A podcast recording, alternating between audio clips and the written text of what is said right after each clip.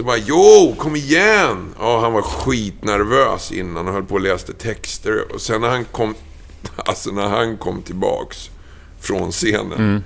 Det var ju som att se någon som har gått på eh, liksom anonyma narkomaner i 35 år och så bara, tillbaks! Lös i ögonen på mig. Jag bara, han är fast.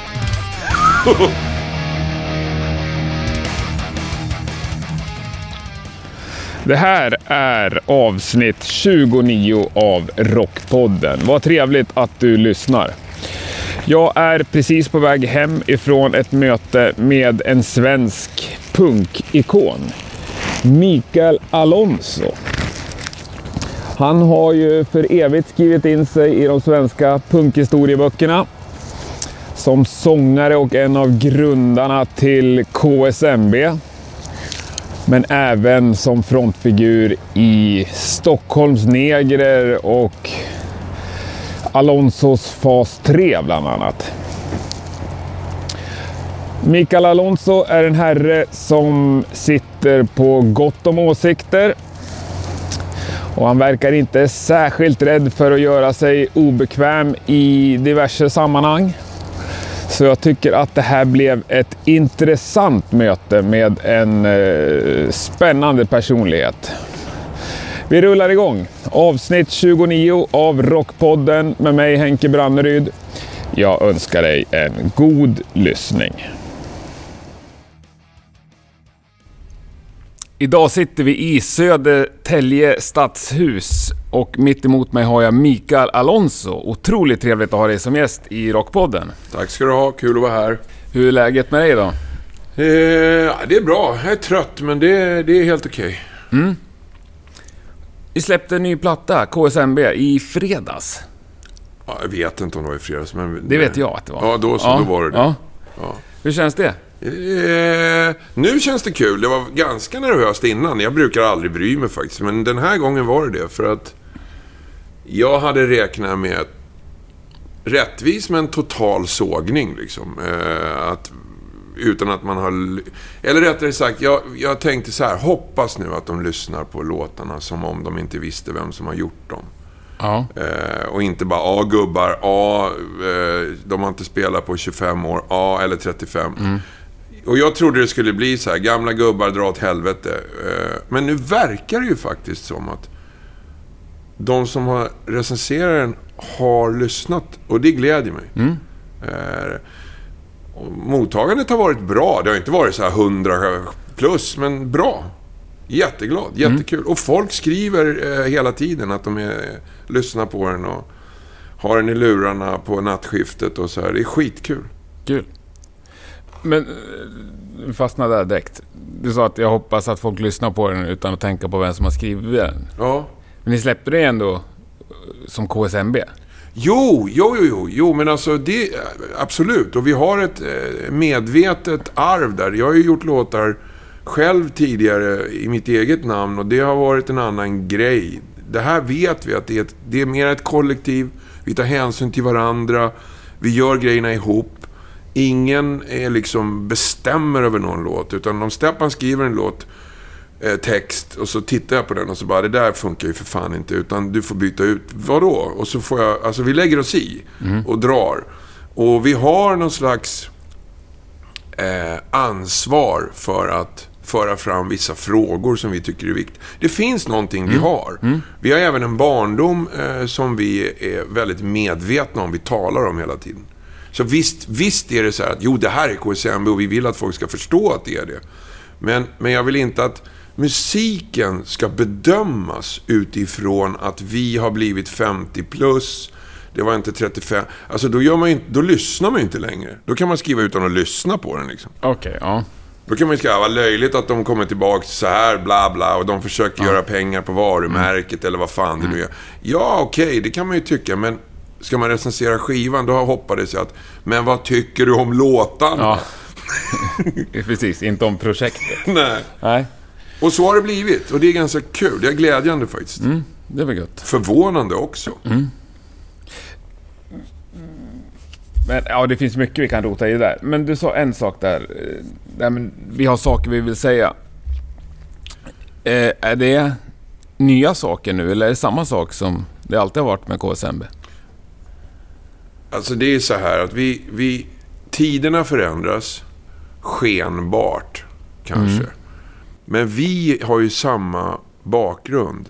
Den är lätt att glömma när man har levt så pass eh, länge som vi trots allt har gjort nu. Man färgas ju av allt man är med om i livet. Det som, är, det som känns bra när vi ses igen, framförallt Eh, jo, när vi ses och sätter oss och pratar, det är att vi, och det tror jag säkert alla upplevt, att träffar man kompisar från när man var väldigt ung, då minns man vem man är egentligen. Så det kommer liksom in innan vi sätter oss. Att vi kommer ihåg hur det var när vi växte upp. Vi kommer ihåg vilka vi egentligen är. Det hjälper vi varann med. Vi kommer ihåg vilka våra föräldrar var. Vi kommer ihåg, alltså det där kommer till oss ganska starkt när vi mm. sätter oss ihop. Och sen har vi en verklighet runt oss som, som vi försöker ha åsikter om. Eh, vi, vi befinner oss ju inte i krig, liksom. vi är inte inkallade. Eh, men vi befinner oss i ett, i ett läge där, där eh, verkligheten kan förändras. Och vi tycker att vi har ett ansvar att försöka. Vi har en möjlighet också, men vi, vår enda möjlighet idag är ju nästan via musik. Alltså. Ja. Men vad är det ni vill säga då? Det är olika från gång till gång. Vi, eh, vi försöker se det vi har runt oss och tycka kring det. Det är ju ganska, vad ska vi säga, i grunden någon slags eh, från punktiden eh, inställning att eh, vi behöver egentligen inte ha rätt. Vi bara säger vad vi tycker. Mm. Och vad vi ser runt mm. oss. Liksom. Andra får tycka annat. Och vi är nog ganska överens om att delvis är det en, en eh, illusion att allting, för det hör man ju väldigt mycket att nu jävlar är det allvar. Vi håller inte riktigt med om det när vi sitter, eh, utan vi har varit med om när man brände flyktingförläggningar i Sverige mest i hela världen. Eh, vi har varit med om när, när, eh, när Brigade Ross eh, eh, kidnappade politiker i, i, en takt man aldrig har sett förr. Eh, och när Baader-Meinhof-ligan terroriserade, man sprängde på eh, tågstationer. Och vi har varit med om Vietnamkriget när, när hela världen rasade mot folkmord. Och, alltså det har varit ganska många händelser. Palme har skjutits, vår statsminister sköts. Och poliser skålade i champagne och gjorde Sieg Heil-hälsningar. Det är knappt som man kan... Det går knappt liksom att fatta att det har hänt. Att i, en, I ett land i, i Europa har statsministern skjutits på gatan och poliser skålade då och gjorde nazisthälsningar. det är ja, det är lite som på film. ja. Det är så här, jo men, och det var ju här. Och, um, så vi har sett att det här, det är inte, det är inte nytt att läget är allvarligt. Det har det varit hela tiden. Eh, och det är allvarligt nu med. Och eh, vi tycker oss väl se en frammarsch ifrån eh, nationalistiska, främlingsfientliga och rasistiska eh, åsikter. Och vi är ju må hända lite banala, men vi anser oss nog ändå tillhöra någon form av tras intellektuella. Eh, och vi tycker nog att vi tror att idéer är för jävligt viktiga. Att sprida idéer, att äta in idéer, att man får idéer, det är nog det som till slut trots allt förändrar samhället. Eh, och vi tycker vi är idéspridare. Och vi tycker vi står på rätt sida. Eh, och det vill vi gärna fortsätta. Vi har, vi har lite åldern emot oss alltså. Eh, vi har, vi har såklart svårt att nå en yngre generation som är absolut viktigast att nå. Men vi försöker. Vi gör så gott vi kan. Det är glädjande. Jag fick, eh, igår fick jag ett mail från Amnesty International. Vill ni hjälpa oss? Eh, eh, vi får ifrån organisationer som ska demonstrera runt om. Så någon ser oss ju. Det är kul. Men det där med att hitta ny publik. Tänker man överhuvudtaget kring det? Alltså vem nya plattan riktar sig Nej. till? Nej. Nej, vi tänker inte på det. Nej. Men, men vi vet det. Uh, nej, det är roligt att det kommer folk som, som kommer. Första turnén uh, när ni spelade, alltså det är skitroligt. Och de har med sig ungar. Snart har de med sig barnbarn också. Mm. Så det, det är jättekul. Ja, ni ska ut på en liten turné nu. Ja, eh, åtta spelningar. blir- Ja, det blir väl åtta, kanske nio då. Det ska bli jätteroligt. Mm. Ehm, men ja, egentligen hatar jag att eh, åka runt i, på turnéer. Men jag, jag älskar ju liksom att stå på scen. Men det är ju för jävligt kort stund. Ja, av turnerandet. Ja. Det påminner ju lite grann om lössnöskidåkning. Liksom, att man får släpa som ett jävla helvete hela dagen. Och sen får man åka ganska kort stund. Ja. men, men det är värt det. Det ska bli jätte, jätteroligt alltså. ja. Men vilka tror du kommer... Vilka är det som dyker upp? Ingen aning. Jag tror väl... eh, Jag kan... Alltså när jag tittar på de som har dykt upp på konserter som jag har haft utan att det har varit KSMB så har det varit folk som är i vår ålder och 10-15 år yngre ungefär. Eh, alltså 40 plus kanske då. Eh, och sen finns det ett glapp till det kan hända att det här har att göra med hur man lever sitt liv. Jag tycker att det är så att sen finns det ett glapp ner till en ålder som jag tror är innan man bildar familj och får barn. Alltså som är upp till 25-30. Från 13-14 kanske. Och det är väl antagligen de som tror jag är nyfikna på musik och undrar vad vi är för stollar liksom. Ehm, det, så det är ett hopp däremellan. Det är ett, ett hyfsat stort gäng med snorkorkar som kommer och, och, och kollar. Och det, det är jätteroligt. Jag vet ju inte vad de tycker. Men, men de kommer. De kommer alltså. Ja. Köper biljetter. Men ni spelade ju på Bråvalla för, ja, för... Nej, inte somras, men förra sommaren. Ja, Och där var det väl blandat. ja men det är ju på Bråvalla. Det är klart att ja, det är en ung festival, så att Ja, säga. där kunde man ju gå upp med lösnäsa och göra, jonglera så hade man liksom haft publik. Så att det- det är svårt att veta vilka var vår publik av de där. Några var ju tydligt alltså. Ja.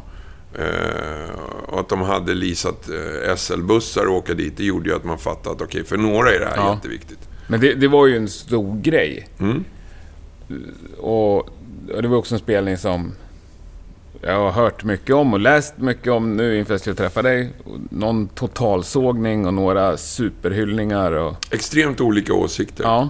Eh, Jag tror ju att de bottnar i... Att det är så olika, det tror jag att det bottnar i helt olika förväntningar. För, för vi var ju... Alltså, de har ju sett samma konsert. så, så det måste ha att göra med att man har helt olika förväntningar på vad det skulle bli. Eller så gillar man... Alltså, det här är ju också... Vad fan. De, man kanske bara tycker att det är lite kul att skriva bra eller dåligt och så skiter man i hur det var egentligen. Jag vet inte. Men bryr du dig om recensioner?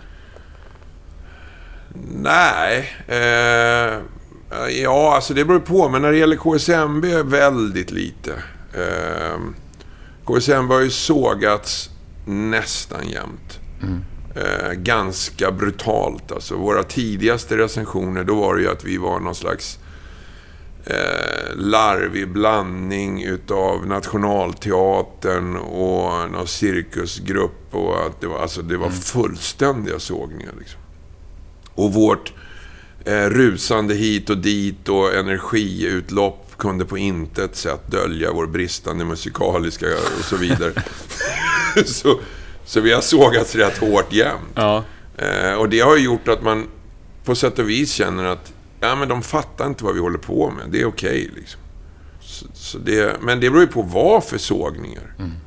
Eh, men så länge de sågar bandet så att vi är dåliga musiker eller att det var dåligt uppträdande, då skiter jag i det.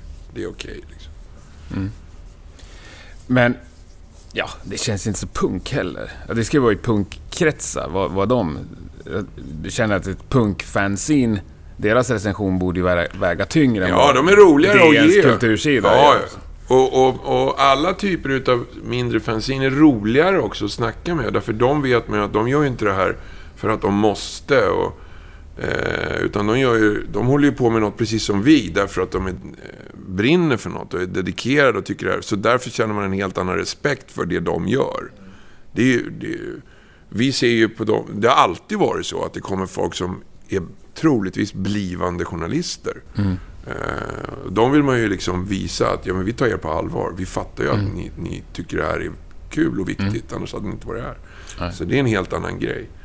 Eh, men däremot så kan jag köpa att det är rätt punkigt att tycka att vi är keff också faktiskt. För att vi, vi är ju liksom inte... Vi hade nog tyckt det eh, om oss själva. Då. ja. eh, så det är, det är okej okay, liksom att det är så här att, ja men vad fan, det är för välpolerat, det är för välspelat och så. Ja, det stämmer nog. Mm. Eh, utifrån ert perspektiv håller jag med liksom. Mm. Men hur kom det sig att det blev att det blev en ny skiva ändå. Det var ändå 25 år sedan ni släppte en skiva ah, senast. Det är tillfälligheter. Eh, många tillfälligheter sammanfaller. Jag tror egentligen att i botten av det här, det är att eh, de flesta av oss har en livscykel som gör att vi har ganska gott om tid, särskilt om vi är halvsopiga i plugget, så har vi ganska gott om tid upp till vi skaffar familj och barn. Mm. Eh, sen blir man ju liksom, som regel, om man inte är en otroligt ansvarslös människa, så blir man ju någon slags slav över andras liv. Eh, och det ansvaret tar man i 20 år ungefär. Och sen säger de tack för kaffet och drar och då har man rätt gott om tid igen. Mm. Så då faller man tillbaks till gamla ovanor eh, från innan man var eh, någon slags försörjare. Eh, och det är väl där vi är. Liksom. Vi har... Och därför började Stepan och jag lalla runt på lördagar och fika och så som vi inte haft tid till på 30 år. Mm. Och Stepan hängde med på något, jag såg ju det alltså. Det var ju bara en kul grej när jag sa till honom, fan ska du inte haka på när vi lirar vad det nu var? Kör två låtar. Han bara, nej. Med fas 3? Ja. ja.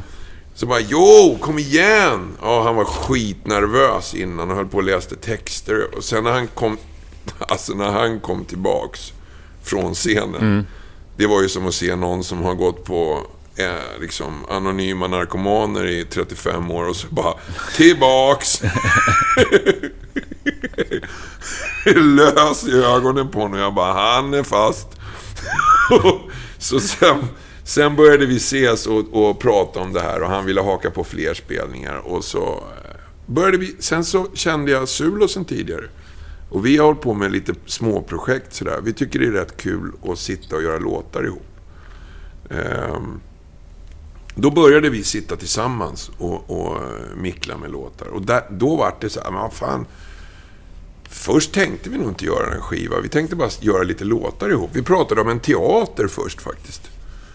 Eh, att vi skulle göra låtar till någon slags teater. Vi ville göra någonting som skulle vara så jävla obehagligt så vi skulle eh, vara skräckslagna för att gå ut på scenen. Och då var teater det som vi gjorde att vi mm. kände oss mest rädda. Mm. Men sen vart det ändå eh, eh att Nej, men vi åker ut. Vi fick ett erbjudande helt enkelt när de hörde att vi höll på. Att, ska ni inte... Ja, kanske. Så, sen när vi fick det framför oss, då bara, ja men okej. Eh, och så började vi repa till det och då började vi repa alldeles för tidigt. Så vi märkte att ja, men vi behöver inte repa så här mycket. Och då började vi repa de låtarna vi hade gjort, som vi hade akustiskt. Och då vart det liksom en skiva. Vi repade i en skivstudio. Okay. Så, så det, det, var helt mm. naturligt. Liksom, att... Men var det här innan eller efter Bråvalla-grejen? Efter. Efter. Vi pratade om att göra en skiva inför Bråvalla, men det var mer att göra ett statement. Vi tänkte göra en singel som skulle hjälpa tidningen Expo. Eh, mer som en, men det vart aldrig någonting. Så det här är långt efter. Okej. Okay. Ja. Men på Bråvalla där, vi ska in lite på det här med originalmedlemmar och så. Ja. Där var ni hela gänget? Nej. Vi var, det var ju... Eh, det här är ganska komplicerat. Alltså, av de som var med från vad man nu ska kalla vår första uppsättning, alltså mm. första, säg första halvåret som vi var mm. ute och spelade på fritidsgårdar och runt, liksom, när vi inte fick någonting. Det är ju de egentligen som ska ha mest cred kanske. Eh, som slet det här från noll. Mm. Eh, av dem var det ju jag, Steppan och Johan som var kvar. Ampull kom ju långt senare. Liksom. Eh, så det var vi tre. Sen var Ampull med. Han var ju med på en period fram till Rika Barn och ett, ett år efter tror jag. Så han var väl med ett och ett halvt, två år kanske. Och sen var det Donatello som väl är, tror jag, Johans husbasist. Han hade ju aldrig spelat med oss innan, men han var väldigt... Eh, bra. Men han har väl bara spelat en spelning med, med KSMB. Eh, och så Janne ifrån... Eh, vad fan heter de? Ja, men Janne var i alla fall utsedd av Gullars. När Gullars förstod att han kanske skulle dö så, så sa han att då kan Janne ta mina, eh, min roll. Så han hade ju heller aldrig spelat med oss förut. Så eh, det var ju eh, vi tre och så två nya. Mm. Men det har ju pratats mycket om det här med originalmedlemmar. Det är fullständigt bisarr efterhandskonstruktion. Eh, jag var ju inte med i KSMB i, jag tror lite mer än ett år. Eh, när de var ute och turnerade för fullt. Det verkar alla bara ha glömt. Eh, att Stepan sjöng helt själv under ett helt år efter att Rika Barn hade kommit ut. När jag hade fullt upp med annat. Lasse Lundbom var vår första trummis. Och han var med sen på 90-talet. När alla hävdar att vi inte hade originalmedlemmar. Men vi var ju för fan vår första trummis med igen. Nej, men han var inte med i original. Vad fan är original då? Vem har bestämt var den liksom slås ner? Eh, så, så vi har haft ganska många. Vi hade Juan Moya på sång. Första fem spelningarna kanske. Eh, Pekka Kangas på gitarr. Damikola på gitarr. Eh, Sundström på munspel och gitarr under några få spelningar. Eh, alltså vi har haft rätt många eh, genom åren som har kommit och gått. Matte Larsson har ju varit med eh, på 90-talet nu. Poppe, som nu spelar bas med oss, eh, har varit en sån här... eh, För han, han är så pass mycket yngre än oss, så han spelade med Steppans och min lillebrorsas band. Men var rätt duktig basist. Så han var redan då på Skärholmstiden en sån basist som vi kallade in när vår basist inte kunde. För han kunde våra låtar ganska bra. Så han har varit reservbasist under Okej, alla år. ja. Men nu först så, För nu var vi rätt noga med att nej, men vi försöker plocka in folk som faktiskt har spelat med KSMB. Eh, Så Matte har ju lirat med oss under flera år. Poppe har varit reserv under många år nu är han med och lirar. Eh, Gus har aldrig spelat med oss tidigare, vår trummis. Han har jag lirat med i fas 3. Och... Ja, så Steppan och jag. Sul har heller aldrig spelat med oss tidigare. Han var med i början på fas 3 Jag- och jag gillar att skriva låtar med honom, det visste jag. Och så har vi med, han är inte med i bandet ännu, men han kom med till turnén nu, Patrik. Och han har ju lirat klaviatur. De, för vi har haft ungefär en spelning om året som vi har spelat KSMB-låtar, Steppan och jag. Då har han varit med och lirat klaviatur hela Okej. tiden. Så, vi har försökt plocka folk som har haft en koppling. Ja, vi- Ja, för det har ju blivit en ganska infekterad debatt kring det där.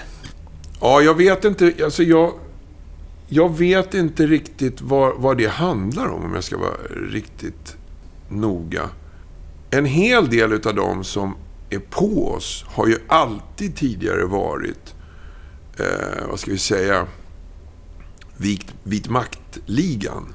Eh, de kom ju till våra spelningar förr i tiden och försökte förstöra dem. Eh, eh, skulle slåss, mordhotade dem så de skulle stängas. Det, det har alltid varit så för oss. Eh, det som har hänt nu, det är att vi hör inte ett ljud från, från dem. Men det är väldigt många som försöker förstöra konserterna. Och jag går in ibland och tittar på de här människornas personliga historik. Så kan man ju se att de har ju en märklig bakgrund som inte helt uppenbart åtminstone kan knytas till de de påstår sig vara sympatisörer med. Okej. Så det är nog en svans som delvis har hakat på liksom att Ja, vad bra. De här som har kommit ut med den här skivan verkar ha något emot sig. Det hakar vi på.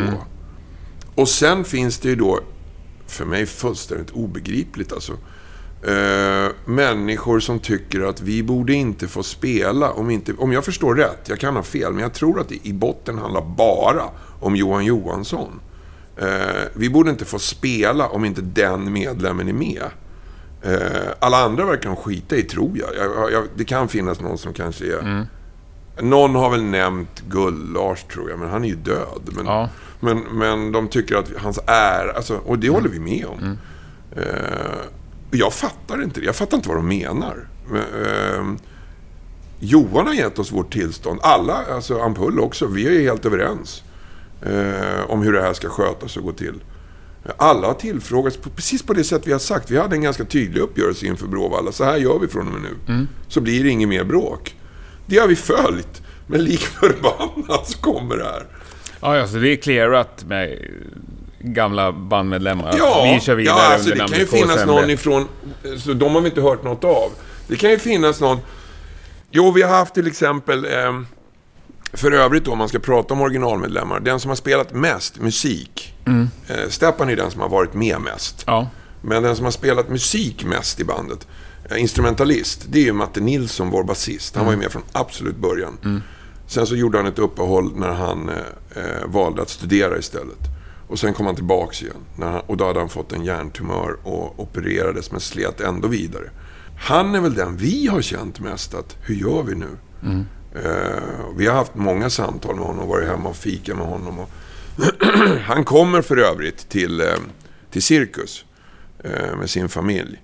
Men han klarar helt enkelt inte att vara med. Vi har försökt. Alltså, Okej. vi, har, vi har pratat med hans läkare om hur, hur riskfyllt är det här för hans hörsel och så vidare. Eh, så vi hade nog kunnat tänka oss att gå ganska långt för att ha med bara de får vara med liksom, så, så är det okej om vi... f- eh, eh, jag menar, när vi spelade på 90-talet, då var ju Matte med i studion. Det var ju väldigt svårt att, att göra så att han kunde vara med.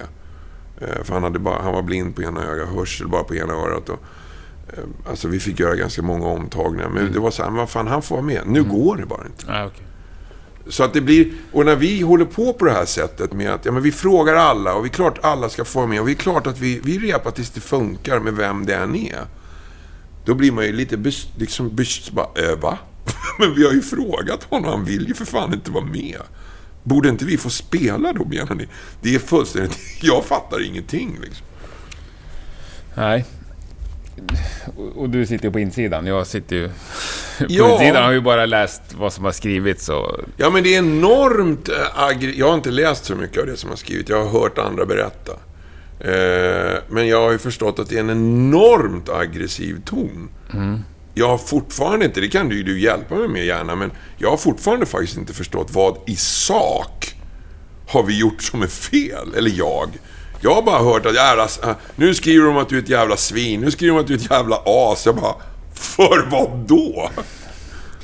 Ja, nej men om man ska hjälpa dig då. Det jag har läst här sista dagarna eller sista veckorna. Alltså Tony Johansson skrev ju något, ett öppet inlägg. Ja, Så det är inget hemlis om att nu jävla räcker det Alonso. Ja, och även där är det ju svårt att se vad i sak han eh, påstår. Alltså, eh, för att korta ner då. Eh, är det så att det företag som har investerat i skivorna och all mörs och all... Alltså, har investerat i allting. Det är ju ganska mycket pengar som läggs ut. Eh, som för övrigt inte har kommit tillbaka heller fullt ut.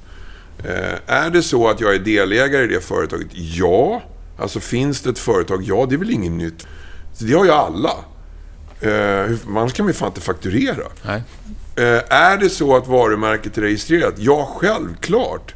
Fan, KSMB är också registrerat. Det är väl alla, var, alla företag i Sverige är väl registrerade. Annars är man ju dum i huvudet. Därför att annars kan ju någon sno och börja göra skivor eller t-shirtar eller vad som helst. Så svar ja, den är registrerad.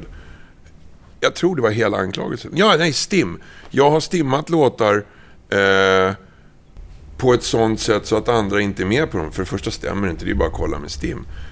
men, men, men eh, så att när jag och till exempel eh, Nicke gjorde låtar ihop så står ju han där såklart. När Inge har skrivit musiken till den så står det ju Inge där. Ingen av dem har oppon- ingen annan opponerar sig. Eh, ingen opponerar sig när vi lämnar in där heller. Nej.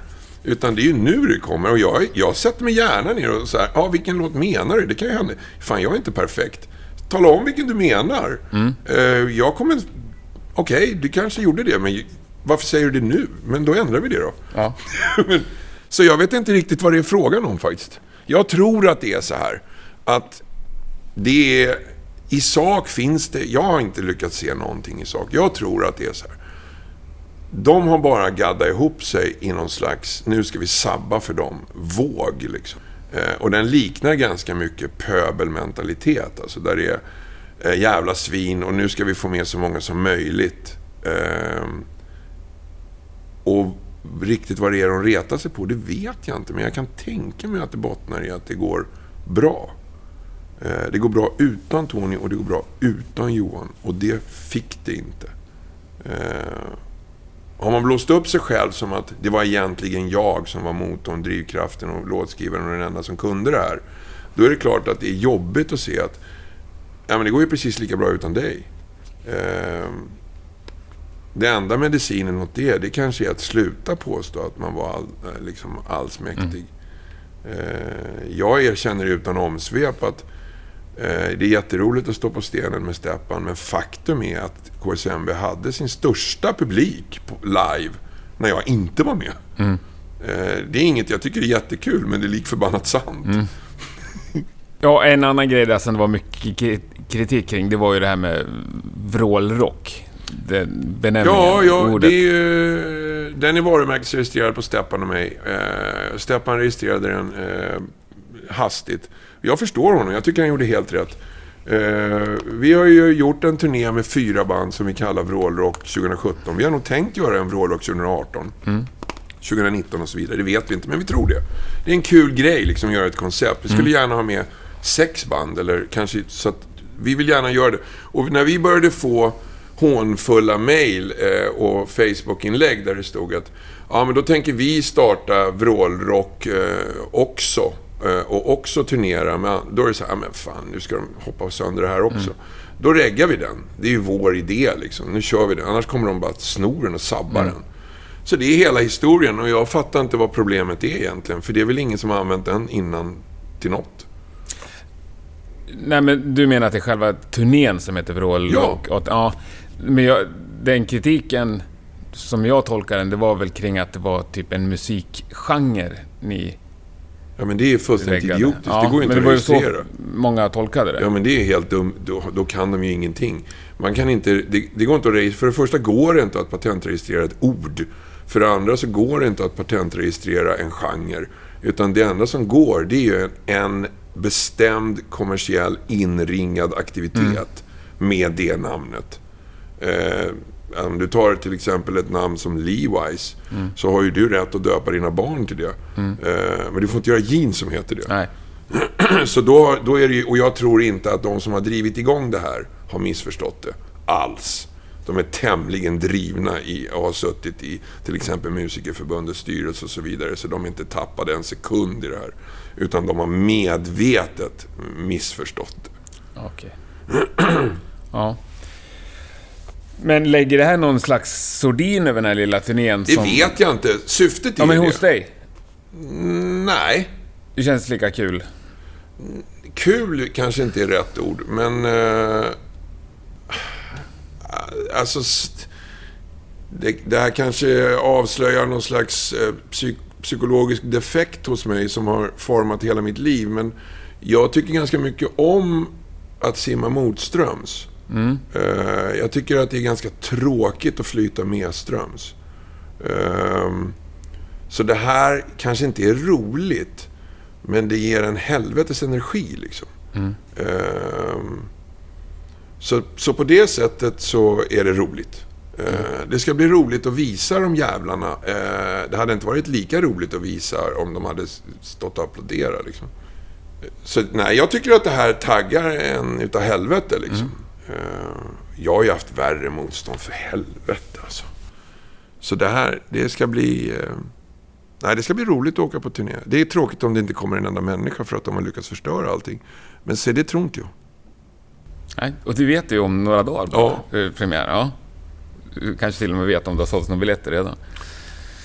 Ja, jag vet ju. Jag ser ju att eh, de enda vi kan se eh, direkt rapporterat, det är Cirkus. De mm. har väl sålt ett estimat är väl att de har sålt strax över 2000 biljetter och det är 300 kvar.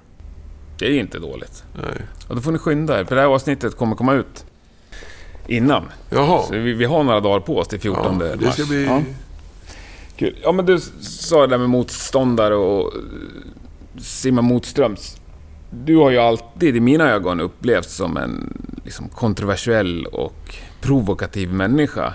Ja, men delvis har jag varit provokativ. Det förstår jag med flit. Mm. Eh, det, kan jag, det kan jag erkänna och känna igen. Alltså, jag gläds av att ibland reta upp andra, som, särskilt andra som jag tycker är lite tunnhudade utan anledning mm. eller, eller eh, är ovana vid att utsättas för angrepp. Och jag tycker att det kan vara rätt åt dem att få känna hur det känns och så. Lite larvigt, lite kul, mm.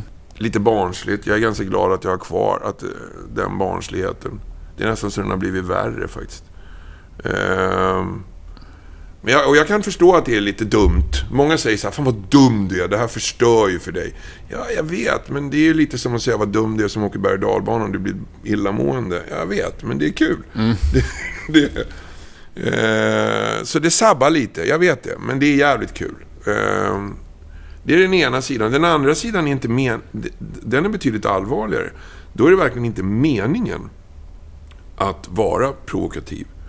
Utan det är faktiskt så att jag på riktigt tror på det jag säger.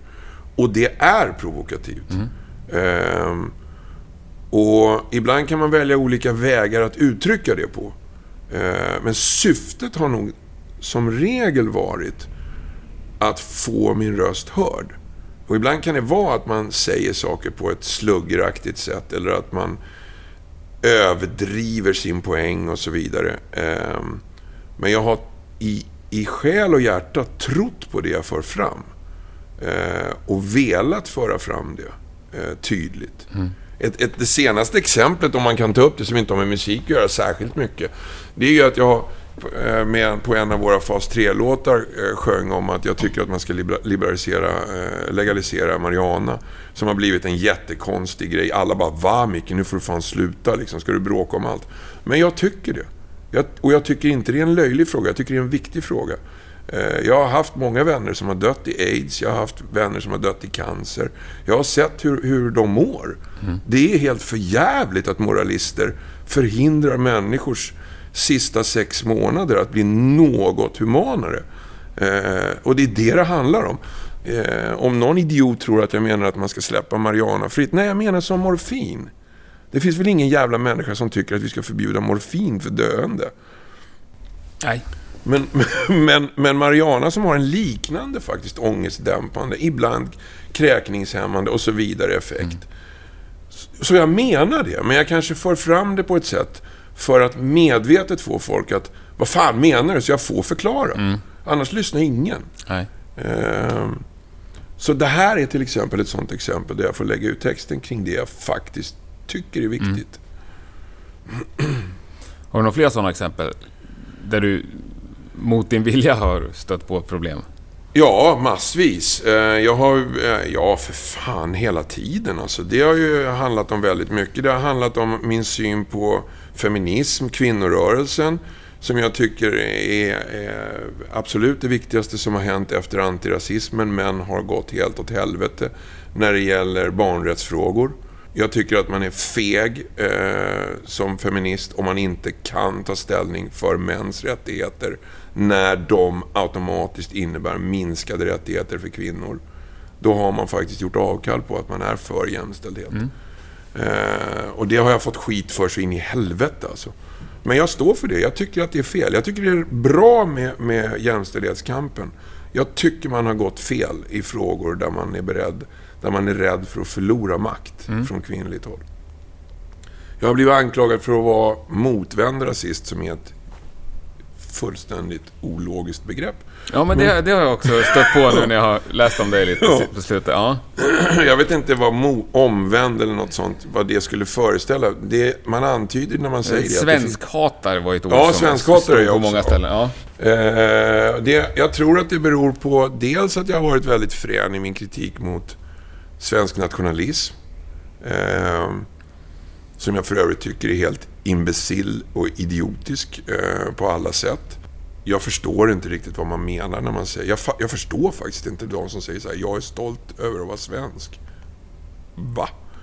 Du är inte stolt över att vara dig själv händelsevis? vad, vad menar du liksom med det? Eh, men, men jag kan förstå att man är stolt. Men om man säger att man är stolt över att vara svensk så måste man ju ändå få ställa motfrågan. Så du tycker att alla andra länder är sämre alltså? Och om man då säger nej, så vad fan är du stolt över? Eh, Jag förstår att man är stolt, ja. Och jag tycker inte det är något fel på Sverige. Och jag kan, för om vi ska lägga ut texten en aning i det här, som jag gör i en låt. Jag försöker förklara det i en låt med fas 3. Jag tycker att det mesta runt mig, där jag är uppväxt och lever, är väldigt fint för mig. Alltså. Eh, plocka blåbär, eh, åka tunnelbana, eh, midsommarstång, eh, vårt fullständigt bizarra, idiotiska julfirande där Kalle Anka tar en stor del. Och vår julmat som liknar en blandning utav eh, korvkiosk och midsommarmat. Jag gillar det, skarpt. Jag tyck, det är jag. Det är min morfar, det är min uppväxt. Jag älskar det. Men om någon säger så ja men då är du ju stolt över att vara svensk. Eh, nej, jag gillar det i alla fall. och, och, Ja, ja. jag bara gillar det liksom. Ja. Det är ungefär som så här, ja, och så gillar jag Ramones eh, också. Jag gillar väl vad fan jag vill liksom, utan att det ringas in. Absolut. Så jag tror, och det här är ju omodernt att vara något som har förut kallats för internationalist. Alltså att jag tycker nog om alla i världen ungefär lika mycket. Jag tycker att nationsgränser är rätt löjliga. Eh, jag tror att jag har mer gemensamt som storstadsbo i Stockholm med till exempel en storstadsbo i Köpenhamn än med någon som bor i Småland på vischan. Eh, faktiskt. Men jag har inga problem med att alla vi finns runt om i världen. Så jag är nog mer en internationalist, något som var modernt strax, strax efter andra världskriget, när man hade dammet i näsborrarna fortfarande. Eh, idag är vi tillbaks till att eh, det är nog inte så dåligt ändå med, med nattliga bombräder, eh, bara de inte drabbar oss, vilket de ju gör. Snart är vi där, vi är på 30-talet nu. Alla har ju glömt att Charlie Chaplin eh, hånade Hitler på samma sätt som vissa hånar Trump idag. Och att Chaplin förbjöds att återvända till USA och arbeta och göra film för han var så kritisk mot Tyskland eh, och nazismen. Eh, vi är precis där nu. Eh, och det, det är det jag står för och det är det jag tycker jag försöker framhärda i när jag just kallas svenskhatare. Att, men ta och tagga ner er alltså. Kriget i Jugoslavien började med att man kallade sig för sund patriot. Eh, sund patriot leder snabbt till brända böcker som leder till brända människor. Så det är det jag försöker säga och jag... Ja, ah, fan, jag står också på tårna när Sverige spelar eh, i VM i fotboll. Det är väl helt okej liksom. Eh, och dras med. Eh, men jag behöver inte blunda länge när jag tittar på SVT och titta upp igen och bara tänka. Nu är jag i ett hotellrum i Polen så ser jag att ja, det är eh, Det är inte så jävla stor skillnad liksom på, på, eh, på vad ska jag säga, taffligheten och på... Nej, nej. Så det, alla har väl vissa åsikter och jag vet inte vad jag har fått ifrån att jag tycker mig ha rätt eller ett ansvar att föra fram dem. Och jag har säkert fel i en del eh, av åsikterna. Nej, men att rätt att föra fram dem Ja, tycker jag alltid att man har. Jag är ju väldigt stor förespråkare för ganska oinskränkt yttrandefrihet. ja, jag med. Jag tycker det är bra att det finns gränser där man kan där man ger sig på individer. Eh, och där man eh, kanske för fram åsikter som kan anses vara stämpling. Alltså stämpling, förberedelse för brott är ju, kan ju vara eh, inom yttrandefriheten. Eh, uppviglar man till brott så kanske upp, yttrandefriheten ska begränsas en aning. Kanske, ja. Ja, Fast men det det beror ja, men samtidigt... Ja, nu ska vi inte kanske hamna i det, men... Om jag säger någonting som får dig att göra någonting. Det är ju fortfarande du som gör det. Ja. Man måste ju kunna ta ansvar för sina egna handlingar. Ja, ja, jag håller med dig. Men jag, och jag säger inte Annars att är det det är lika lätt. bisarrt som att, att skylla på någon hårdrocksskiva att ens barn har tagit livet av sig. Ja, nej, men jag håller med dig om det. Men jag, och jag, de, dina exempel är klockrena. Men, men om du tar ett annat exempel, att till exempel i, i hemmet ha ritningar till ett bankfack och tydliga ritningar på hur man ska ta sig in där. Och även eh, borrar och andra saker. Så kan det vara så att det här är stämpling. Ja, Ja, men då är ju förberedelse till brott. inte det? och det finns en glidande skala till det du sa visst, nu. det gör det. Där man någonstans hamnar i ett... Vänta nu, du har ju mejlat över det här till den här killen. Ja. Och han har sen gjort det. Du tror inte du är medbrottsling? Ja. Så, och den skalan, jag, jag, och jag håller med dig alltså, men när vi pratar yttrandefrihet så tycker jag att man ska inte vara helt dum. Liksom. Det finns gränser som man måste sätta. ja. Frågan är var snarare. Liksom. Och de ska helst kanske inte politiker sätta, utan Nej. jurister. Eller det allra, det allra bästa tycker jag, det är ju nu att när liksom samhället gemensamt sätter upp gränser. Ja, absolut. Absolut. Och det är det jag menar med Ja. jurister, att lag gäller liksom, inte politiska Nej, svängningar. och där kommer vi in på ditt andra bannande, Stockholmsnegrer. Ja, Det är ett jättebra ord, tycker jag. ja, Det är ett ord som jag absolut tycker... Alltså det ska, ska inte förbjudas, men det, det är ju så att det finns ju ingen vettig människa som använder det ordet nu för tiden. Nej, och det, och jag har problem med det själv. Därför att när vi... Eh, det finns en historia till varför vi valde det här namnet. Eh, eh, Får jag berätta om mitt första minne av dig då? Ja. Kan jag ha varit tio kanske? När jag såg en intervju med dig på TV. Och du sa att ja, vi är från Stockholm, eller om du sa Skärholmen. Där finns det inga negrer som man kan spotta på. Så därför finns vi, så kan man spotta på oss istället. kan det stämma? ja, det är ungefär så. För det är Eh, 30 år senare, men det är mitt minne bara. Ja. Ja. Jo, nej, men det, det, det stämmer. Och vi, eh, det var lite vår tolkning av... av det finns en, en djupare förklaring till det här såklart. Som jag säger, ibland uttrycker jag mig på ett sätt för att få effekt. Men vi hade läst om att den första tidning som gjordes av svarta någonsin i världen, för svarta, av svarta, det var en tidning i Paris. Eh, långt, långt tidigare, när, när slaveri och så började för, försvinna. De eh, hade på sin första sida eh, ett uppslag och en artikel som fördjupades där de gick igenom ordet neger. Eh, där de menade på att ordet neger, väldigt likt den diskussion vi har nu med, med olika sexuella eh, identiteter. De menade på att ordet neg, neger finns inte. Ordet neger är en identitet som samhället ger en viss samhällsgrupp. Och det kan även vara en identitet som individen ger sig själv om den anser sig tillhöra den samhällsgruppen. Och den samhällsgruppen behövs. Eh, och den är strax efter slaveriet. Eh, och där lägger man in ordet neger. Så om du vill kan du vara neger. Samhället kan kalla vem som helst neger egentligen. Rent rasbiologiskt existerar inte begreppet. Eh, vilket stämmer nu, har, har det visat sig. Och då, när vi hade läst det, då kände vi så här, "Ah, men vad fan, då är det ju vi. Jag höll på att träna boxning på den tiden. Bara, ja. Eh, spelar rockmusik, dansar och sjunger för folk. Eh, vi förväntas göra alla skitjobb. Våra föräldrar jobbar på restauranger eller är diskare. Vi är ju för fan Sveriges negrer. Liksom. Det, då fanns, nu har det här blivit ett jobbigt begrepp för mig. Därför att Ja. nu finns gruppen och är utsatt. Och då blir det nästan som ett hån att vi ställer oss på deras ruta och säger ja, vi är med. För det är inte sant. Nej. Eh, så jag har problem faktiskt med, med det vi gjorde då. Ja, jag har sett att ni inte skriver ut det heller. Nej, eh, och vi, för jag tycker det är jobbigt. Och jag tycker inte det är jobbigt om, om vuxna eh, blir förbannade. Eh, inte om vuxna svarta blir förbannade heller faktiskt, för då kan jag förklara för dem. Eller så kan de hålla käften om de inte orkar höra på förklaringen. Men däremot så tycker jag det är jobbigt när jag förstår att ungdomar och barn eh, tar illa vid sig. Eh, alltså att vi sårar dem. Då känner jag så här, nej men det var ju aldrig meningen. Eh, och eftersom vi hade en mening med namnet och den nu missförstås, då bör man ju byta namn. Liksom. Det är helt galet eh, att vi gör något bara för att. Vi skiter i om alla missförstår det. Så därför har jag haft problem med det. Eh, och vi har börjat använda en förkortning. Eh, nu troligtvis kommer vi aldrig spela igen eftersom min lillebrorsa dog som var med i bandet och det känns bara konstigt. Men eh, vi har ju sagt att om vi skulle göra någonting igen, då kanske vi skulle acceptera den normförändring som har skett i samhället och kalla oss för Stockholms n-ord. Eh, för det är ju så man säger idag. Eh, Ja, det, det låter ganska bra. Ja. Eh, och då har vi ändå på något sätt respekterat liksom, eh, utvecklingen.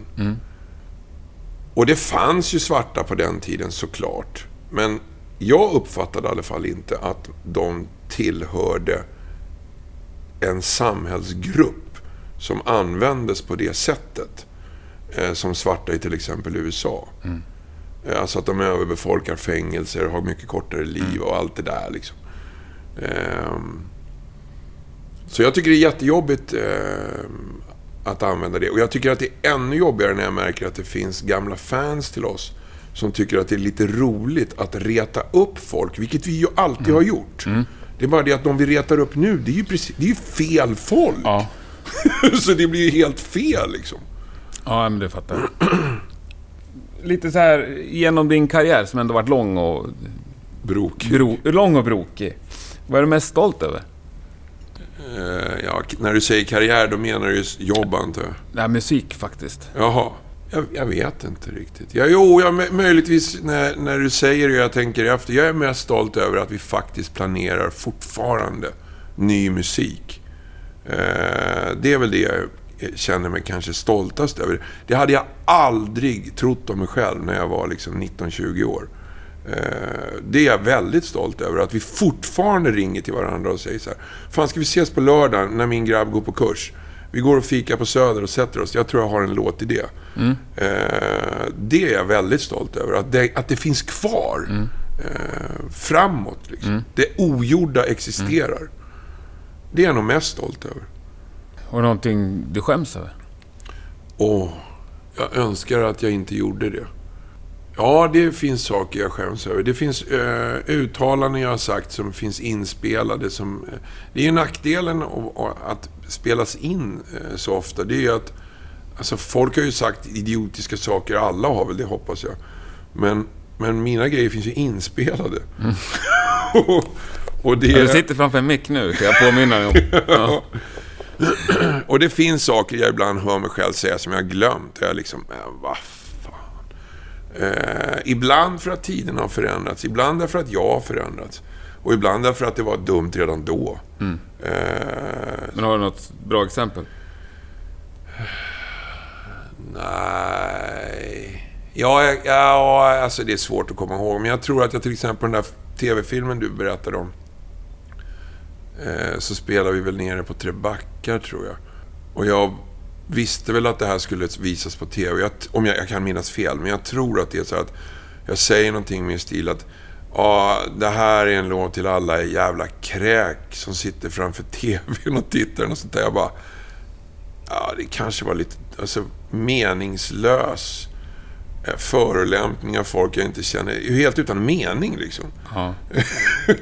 Eh, antagligen bara uppjagad och vill vara dum liksom. Ja. Eh, så sådana grejer kan när jag inte förstår vad jag... Eller jag förstår att jag själv bara var dum liksom. Sådana grejer kan jag skämmas över. Eh, och sen skäms jag ibland alltså när, när saker tas ur sitt sammanhang. Och det är lätt att göra med mig. Att man, jag kanske har sagt svensk jävlar eller sådana där saker. Eh, liknande uttryck. Så, och när det presenteras i ett sammanhang där jag kanske, där för människor jag känner eller för några andra. Då kan jag känna att ja, men det låter ju jävligt illa. Alltså. Men, men om man förstod vad vi befann oss i då och hur diskussionen gick och vad syftet var. Men det får man ju inte tid att lägga ut texten.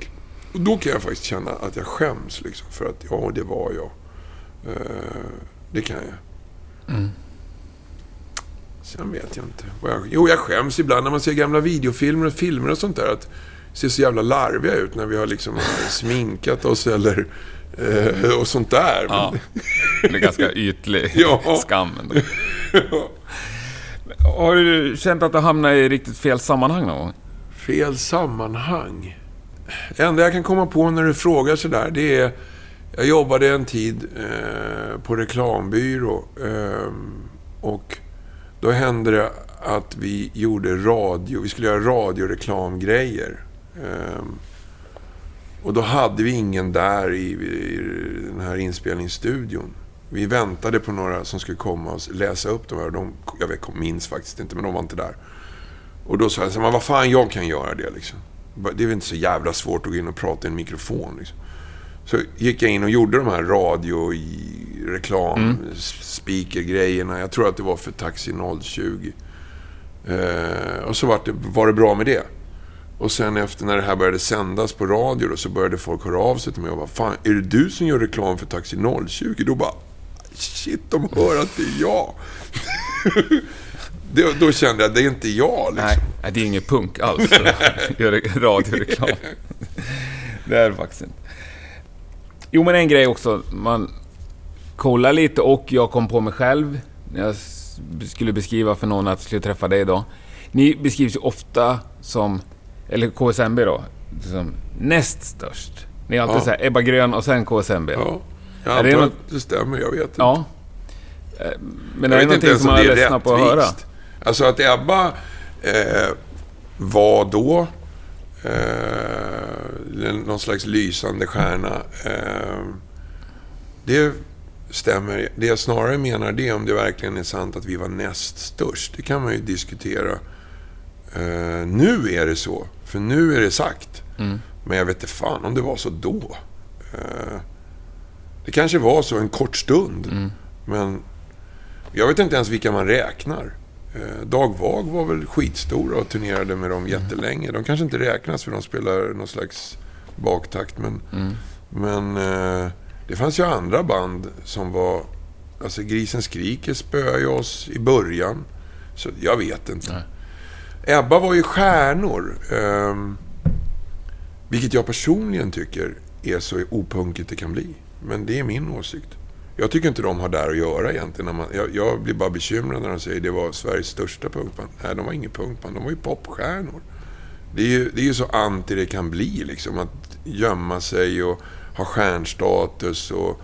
Eh, alltså hela den prylen var ju det vi... Åtminstone jag förstod det så att mm hela det vi ställde oss ur.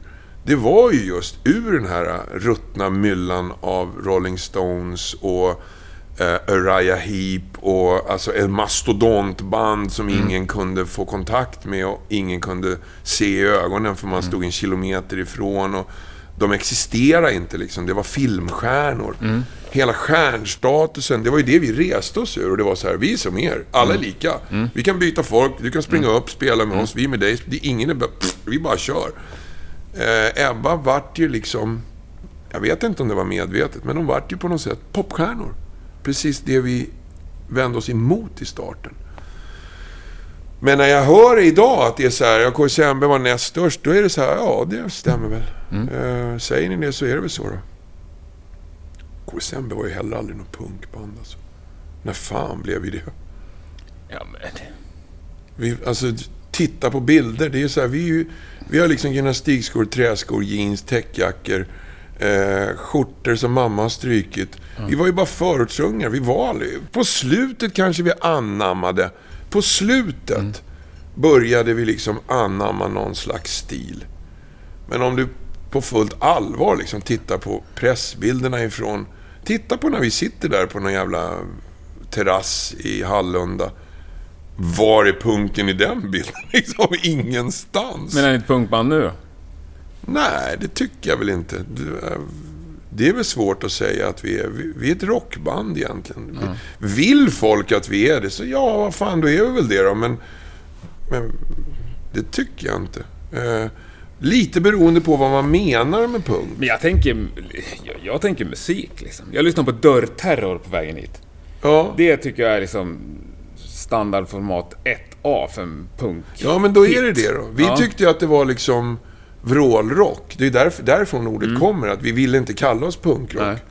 Eh, utan vi kallade oss vrålrock. Och Johnny Sylvan som var vårt mu- musikaliska geni precis i början då. När vi andra inte var sådär jättebra på musik. Ehm, han lyssnade ju på Kiss mest. Och annan musik som man lyssnar på när man lyssnar mest på Kiss. Okej. ja. Och han var, jag tror han var 17. Så, och, alltså, och jag kan ju höra det att mycket av de grejerna som görs på låtarna, det är den typen utav, ska vi säga, banal hårdrock. Jävligt fort. Eh, för vi ville spela jättefort. Han ville spela hårdrock. Så kompromissen blev jävligt snabb hårdrock. Liksom. Och tiden gjorde att det kallades punk. Och det kanske var det. Vi var ju såklart påverkade av alla singlar som kom från England och USA och allting. Så visst, det stämmer säkert. Texterna var definitivt påverkade.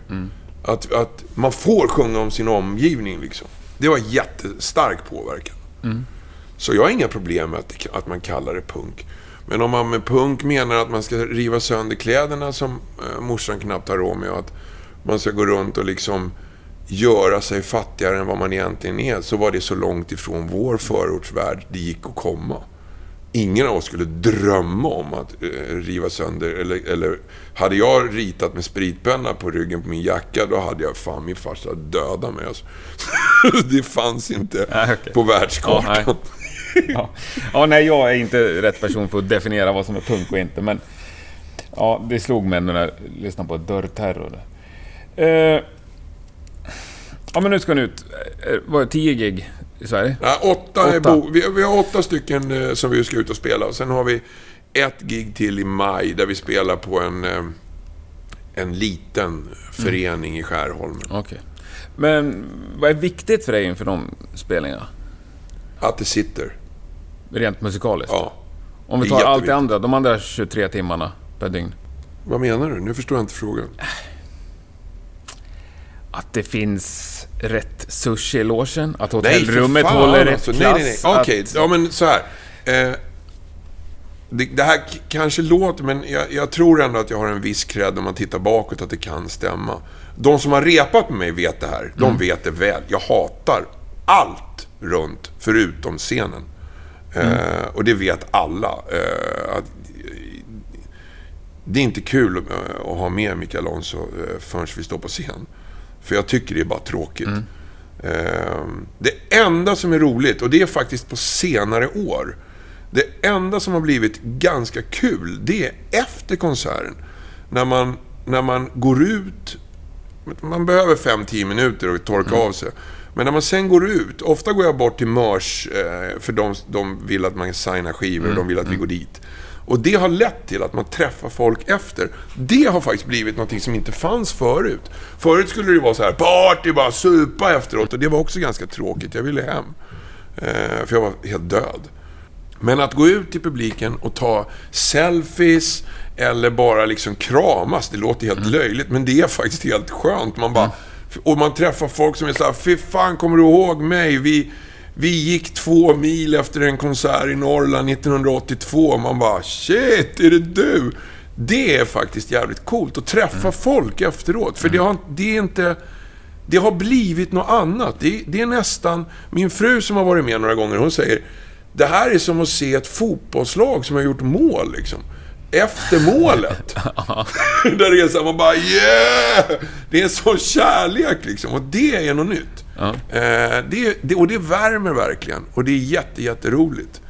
Särskilt så många av de som kommer till en är ju snubbar framför allt då, pratar jag om nu. De ser ju ut som killar som man skulle backa, alltså man skulle bli rätt skraj för en del. Ja. Men vi, de är verkligen supergoa och bara Får jag en kram? Vad fan? Eh, och det är skithärligt. Det, det är kul. För övrigt, det som är viktigt, så är det att det finns handdukar eh, som inte är en kilometers långa. Eh, som alltså går att ha på scenen runt halsen. Så, för annars blir jag tokig om det inte går att torka sig. För annars får jag svett i ögonen och det svider som fan. Eh, och att det finns plastflaskor att dricka ur så att man inte slår ut tänderna. Och att det inte är kolsyrat vatten för då spyr jag. Där är mina krav ganska slut alltså. ja. Vatten och handduk. Ja. Ja. Gött. Eh, har du någonting du gör innan du går upp på scen? Ja. Jag brukar röra på mig lite grann för att få igång blodcirkulationen. Sen brukar jag faktiskt eh, ägna en kort, kort tanke åt eh, eh, min lillebrorsa. Eh, fan, jag kan inte ens prata om det.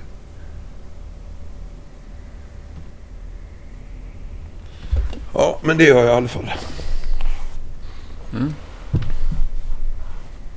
Helvete också. Ja, det är lugnt. Ja, men det är det jag gör i alla fall. Jag brukar röra på mig lite och sen ägnar jag en tanke åt honom. Och sen eh, brukar jag försöka titta på publiken lite. Så, jag får en, mm, så att jag inte blir chockad. Ja, det där med timing är ju ibland lite klurigt. Mitt i det där känsliga ögonblicket så stormade det in en vaktmästare och eh, påpekade att vi inte hade följt gängs eh, bokningsregler för den här lokalen vi nyttjade. Och när jag klippte bort det så insåg jag ju nu när jag lyssnade igenom avsnittet att det blev ganska abrupt och inte följa upp det ämnet som vi var inne på. Men så blir det ibland. Vi har några minuter kvar och de kommer alldeles strax. Men jag passar redan nu på att säga stort tack för att du har lyssnat. Nästa vecka är vi tillbaks med en ny spännande gäst. Hoppas vi hörs då igen. Ha det gott. Tack och hej. Men vad är det som driver dig till att fortsätta? Eh, jag vet inte. Jag tror att det är kul. Eh, jag, jag vet faktiskt inte riktigt. Jag tror att det är... Ja, det där är nog svårt att säga. Det, det vet väl alla som har... Mm, eller alla som... Alla vet väl det. Man kan ju fråga vem som helst. Vad är det som driver dig till att ha fritidsbåt? Liksom? Hur kan du vara så korkad så du ligger och slipar den hela vintrarna? Mm. Men, men man har väl någon slags lust. Jag vaknar fortfarande mitt i natten och så här, fan har jag ett anteckningsblock? Jag kom på en skitskön refräng. Eh, det sitter bara i en liksom. Mm. Jag tycker det är kul. Ehm. och sen tycker jag det är kul att stå på scen. Ehm, från allra första början, då var det här... Det är nästan så jag glömt, men från allra första början, då var ju det här ett alternativ till boxning. Eh, som för mig var ett sätt att få ladda ur så att jag inte gick runt och var jävligt arg och jobbig hela tiden. Mm. Eh, och det här kände jag var, för jag hade lite problem med att jag höll på med boxning. För farsan hade snackat mycket om att du skadar hjärnceller varje gång du får en smäll på huvudet och du får ju typ 50 smällar varje, varje gång du är nere och tränar. Mm. Eh, så jag, jag gillar det inte egentligen. Jag, alltså jag insåg att det här är inte bra egentligen. Men jag behövde det för att vara lugn i skolan, för att vara lugn. Eh, som, som någon slags terapi liksom. Och när det här kom, när jag fick hoppa med KSMB, då kände jag direkt efteråt att det här är sam, samma effekt. Samma urladdning. Ja, jag blir lugn direkt efter också. Men jag slipper eh, den här eh, dumma grejen. Liksom. Mm. Ehm, så det, det var väl egentligen början. Det kan hända att det är kvar fortfarande. Det vet jag faktiskt inte. Eh, för när man har gjort en sak så länge som jag har, så äter den sig in igen som en självklarhet. Mm. Så jag har lite svårt att veta nu. Ehm, men det kommer ju ett driv om jag inte spelar. Nu till exempel har det gått alldeles för lång tid. Eh, Det märker jag när vi repar, att jag har svårt att repetera eh, i lugn och ro. Utan det blir gärna att repetitionerna urartar till konserter. Liksom. Och det är för att det är någonting i mig Mm. som bara, fan nu var det för länge sedan. Mm. Ehm, Och jag hör ju det hemma också, att de säger att det ska bli skönt att du åker ut och spelar nu, för det börjar bli rätt jobbigt. Liksom. Ja. ja, men nu är det ju nära. Ja. Vi pratar om dagar. Mycket trevligt att träffa dig, tycker Ja. jag. Vad härligt. Ja. Ja, vad bra. Stort tack för att du ställde upp. Ja, detsamma. Och lycka till i framtiden. Tack.